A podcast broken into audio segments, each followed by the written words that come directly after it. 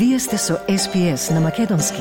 Слушнете повеќе прилози на sps.com.au козацрта на Седонин. Во време на зголемени тензии во регионот, кинескиот председател Си Джинпинг го издаде ова предупредување. Цитирам, сакам да покажеме став и се опфатно да ја зајакнеме војната обука и да се подготвиме за војна. Затворен цитат. We want to show the attitude and comprehensively strengthen military training and get ready for war. Retoricata sugerira eskalacija. Австралискиот министер за одбрана Ричард Марлс вчера потврди дека мошне чувствителни национални тајни може би биле компромитирани и напомена дека за сите оние кои поседуваат тајни за австралиската нација постои трајна обврска да ги чуваат тие тајни се додека важат како тајни, дури и по нивниот ангажман во Комонвелтот и дека прекршувањето на таа обврска е многу сериозно кривично дело. For those who do come into possession of our nation's secrets, either through service in the Australian Defence Force or indeed service in any other part of the Commonwealth, there is an enduring obligation to maintain those secrets for as long as they are secrets, which persists well after their engagement with the Commonwealth. And to breach that obligation is a very serious crime. Предупредувањето следува по извештаите дека Пекинг се обидувал да регрутира пензионирани западни пилоти за да помогнат во обуката на својата војска, вели Малс и додава. In the information that has now been provided to me by Defence, uh, there are enough concerns in my mind that I have asked Defence to engage in a detailed examination Сега е започната истрага за законите што важат за поранешниот одбранбен персонал кој има тајно разузнавање.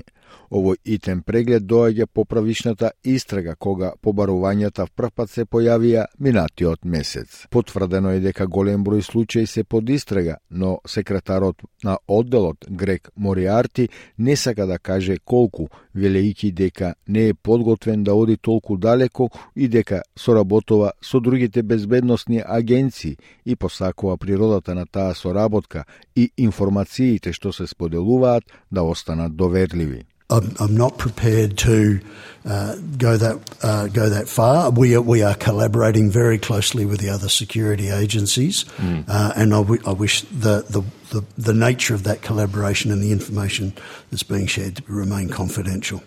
Denis Richardson, poranešen sekretar na oddelot, veli deka je šokiran od razvoja na nastanite. This has come out of the blue. I, I don't think any of us thought uh, that a former ex serviceman or woman would think it appropriate to actively help the Chinese uh, on, on, on, on matters of this kind.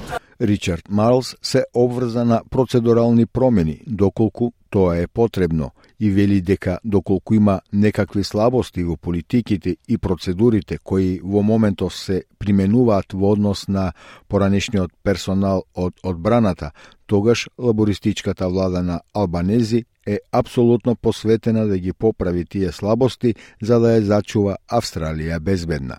if there are any weaknesses in the policies and procedures that do currently apply in respect of our former defence personnel, then the Albanese Labor government is absolutely committed to fixing those weaknesses so as to keep Australia safe. Опозицијата се обврза да го поддржи владиното законодавство доколку е потребно.